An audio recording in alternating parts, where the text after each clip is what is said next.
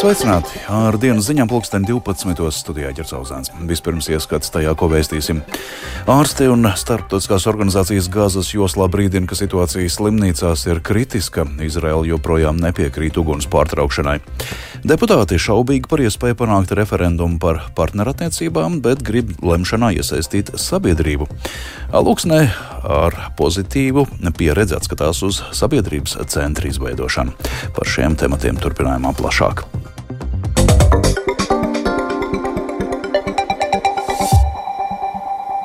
Izraels premjerministrs Benjamins Netanjahu noraidījis uguns pārtraukšanas iespēju Gazas joslā un paziņojis, ka karš pret grupējiem Hamas teroristiem turpināsies ar pilnu spāru.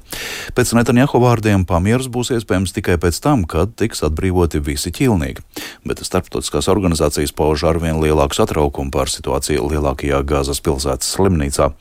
Jaunāko par situāciju Gazas joslā apkopojas Arķems Konohaus. Televīzijas uzrunā sestdienas vakarā Izraels premjerministrs Benjamins Netanjahu rēģēja uz arvien pieaugušiem dažādu pasaules līderu aicinājumiem pārtraukt uguni Gazā.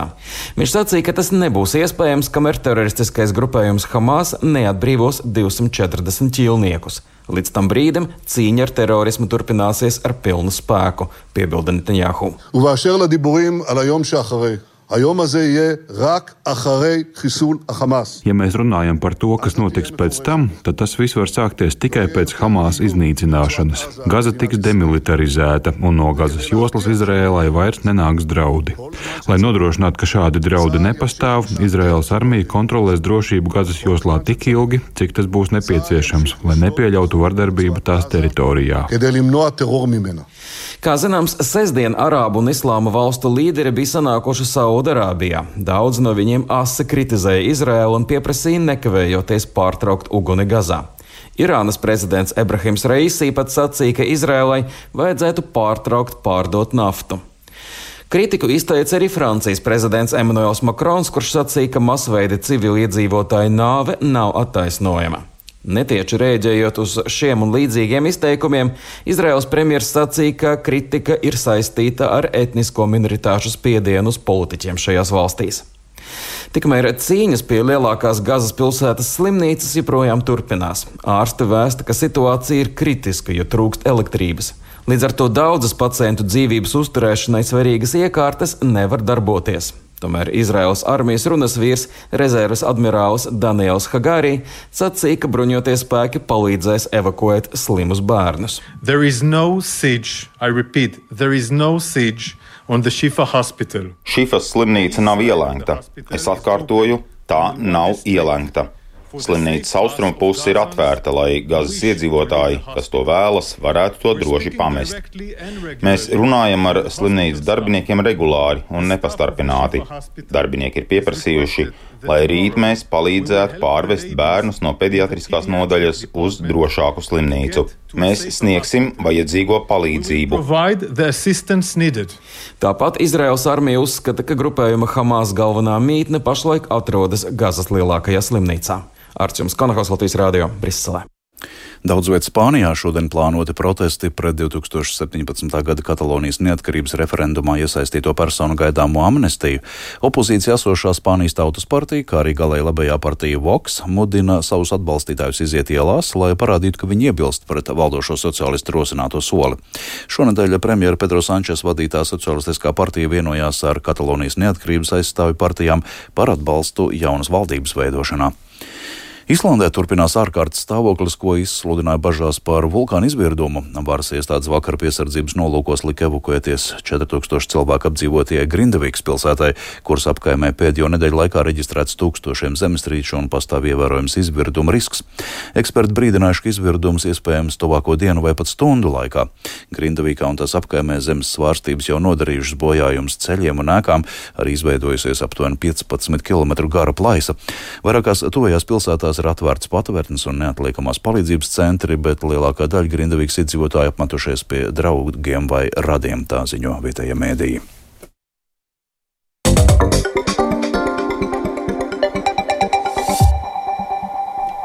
Centrālā vēlēšana komisija un pašvaldības drīzumā organizēs parakstu vākšanu ierosinājumam rīkot referendumu par partnerattiecību regulējumu. To varēs darīt tad, kad valsts prezidents Edgars Rinkevičs oficiāli būs apturējis likuma grozījumu spēkā stāšanos. Referendumu ierosināšanai par šo jautājumu mēneša laikā būs jāsavāc desmitās daļas vai nepilnīgi 155 tūkstošu vēlētāju parakstu. Partnerattiecību regulējuma pretinieki saimā ir šaubīgi, vai tas izdosies, taču uzsver sabiedrības lomu iesaistīties šī jautājuma apspriešanā. Vairāk par deputātu apsvērumiem šajā jautājumā Jāņa Kīņša sagatavotajā ierakstā. Saimnes vairākums šonadēļ apstiprināja likumprojektus par partnerības ieviešanu Latvijā no nākamā gada jūlija. Tas ļaus divām pilngadīgām personām juridiski nostiprināt savas attiecības, vēršoties pie notāra. Tas attieksies arī uz vienzimumu pāriem, pret ko iebilst Saimas opozīcija. Uzreiz pēc balsojumiem Saimā 34 opozīcijas deputāti no trīs frakcijām vērsās pie valsts prezidenta, lai apturētu likumprojektu izsludināšanu uz diviem mēnešiem. Kad valsts prezidents par šo lēmumu būs informējis Centrālo vēlēšanu komisiju, tai un visām pašvaldībām pašvaldībām saskaņā ar likumu būs jāorganizē parakstu vākšana par šo jautājumu un jāinformē, kur varēs parakstīties. Parakstu vākšana ilgs mēnesi un notiks tikai klātienē.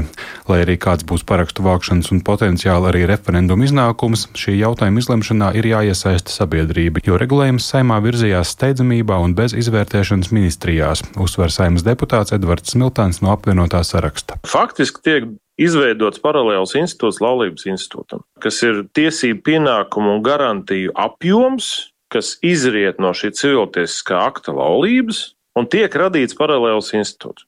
Līdz ar to sabiedrībai ir jādod iespēja izteikties. Kāds būs sabiedrības verdikts vai lēmums šajā jautājumā? Tas jau izrietēs no sabiedrības aktivitātes par to, lai vispār būtu referendums un būtu binārs balsojums jā vai nē. Un, ja referendums notiek, Man nav problēmas ne ar vienu no risinājumiem. Lai ierosinātu referendumu par partnerattiecību regulējumu, ir jāsavāc 154,121 paraksts.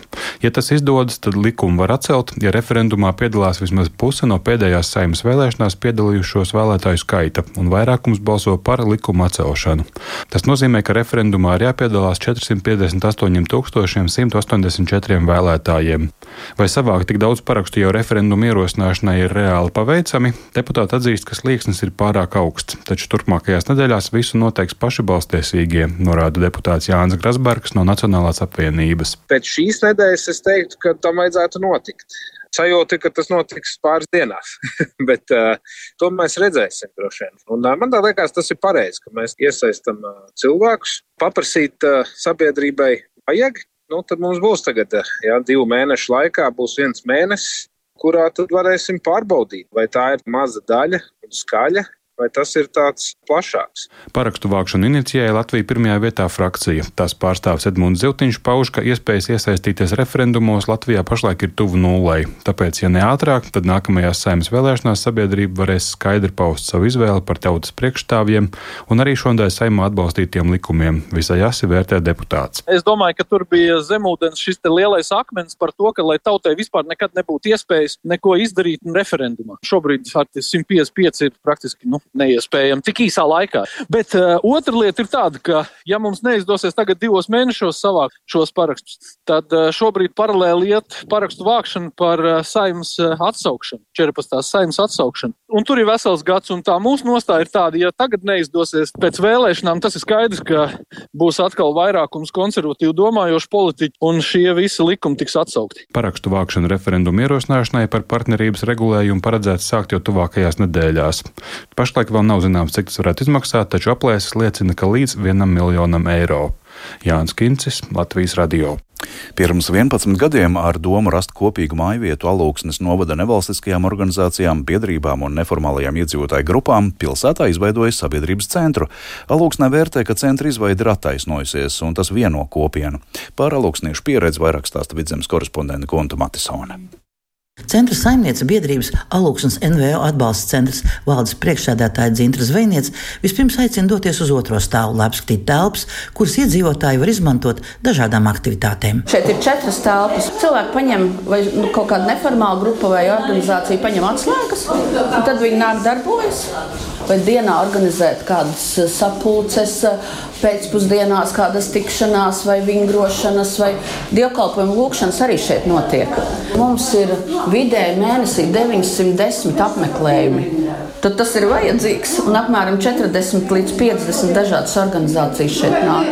Pašvaldībai bija tukša šī ēka vairākus gadus. Un tad mēs remontējām šīs telpas, iekārtojām, pārkārtojām, un aizvien vairāk un aizvien vairāk ļaudis šeit sāka pulcēties. Tobrīd vienā no centra telpām rudens raižu svētkiem pulcējušās pilsētas pensionāru biedrības sudrabs sievas. Kā mūsu ļaudis šodien centrā pulcējās?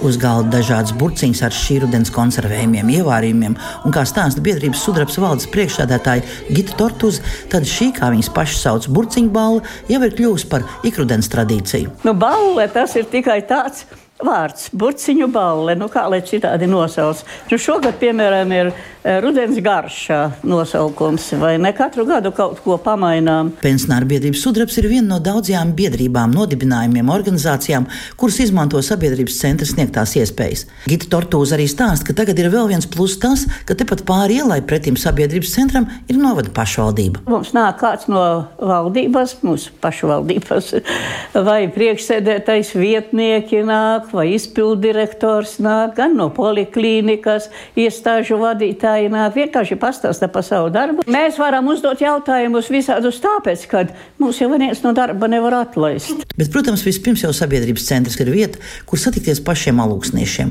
un līdz ar to arī būt līdzdalīgiem vietējās kopienas saliedēšanā un savas dzīves vidas veidošanā. Gunta Matisona Latvijas Rādio vidzemē. Bet Latvijas sporta pasaulē joprojām apspriestākais notikums ir dramatiskais futbola virslīgas finišs, un par to un citiem jaunumiem stāsta Mārs Bergs.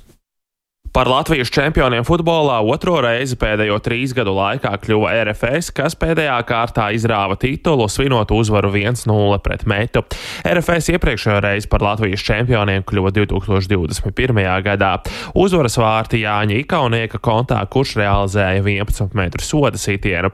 RFS arī prāta izmantot savu galveno konkurentu FC Rīga klupienu, gan arī visu sezonu pavadījuši virslīgas vadībā. FC Rīga pēdējā spēlē viesos spēlēja neizšķirti 1-1 pret Valmieru un ar to bija par maz pirmās vietas nosargāšanai.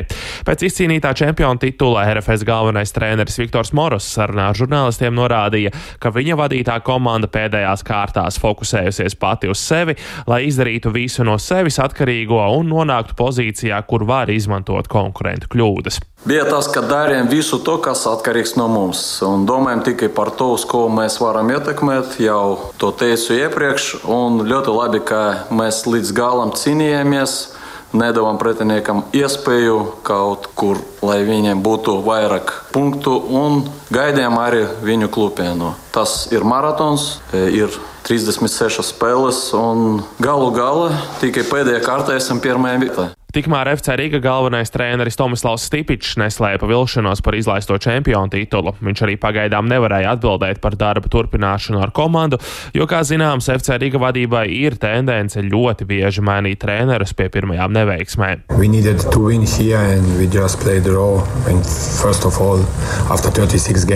Mums šeit bija jāizcīna uzvara, bet nenospēlējām gana labi. Kad gandrīz visu gadu esi pirmajā vietā, tad pēdējā 38. kārtā šo vietu vietu atdot konkurentiem ir sāpīgi.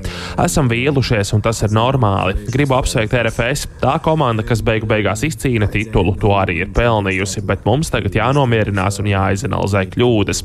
Šī nav perfekta sezona, jo savu galveno mērķi tā arī nesasniedzām. Nacionālajā hokeja līgā 4. zaudējumu pēc kārtas piedzīvoja Kolumbusas Bluejackets, kas ar 4-5 zaudēja Detroitas Redwings, bet Elvis Merzlikins spēli noskatījās no rezervistu soliņa.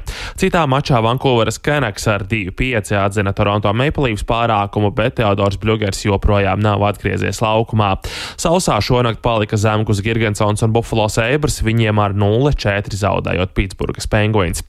Nacionālajā basketbola asociācijā otro uzvaru pēc kārtas šonakt punktu izcīnīja Kristaps Porziņģis un Bostonas Celtics, kas pārliecinoši ar 117,94 pieveica Toronto Raptors.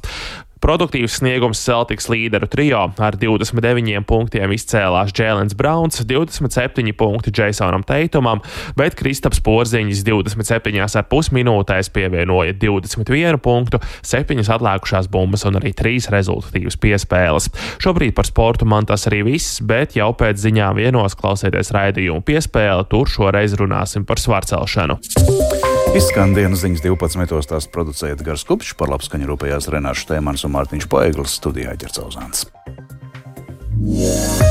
Rīgā šobrīd 6 grādi, lēns ziemeļvējš, atmosfēras spiediens 754 mm diena, Latvijā mākoņā nedaudz, bet lietus, lēns ziemeļvējš un 4,8 grādi. Laika tips otrais - labvēlīgs.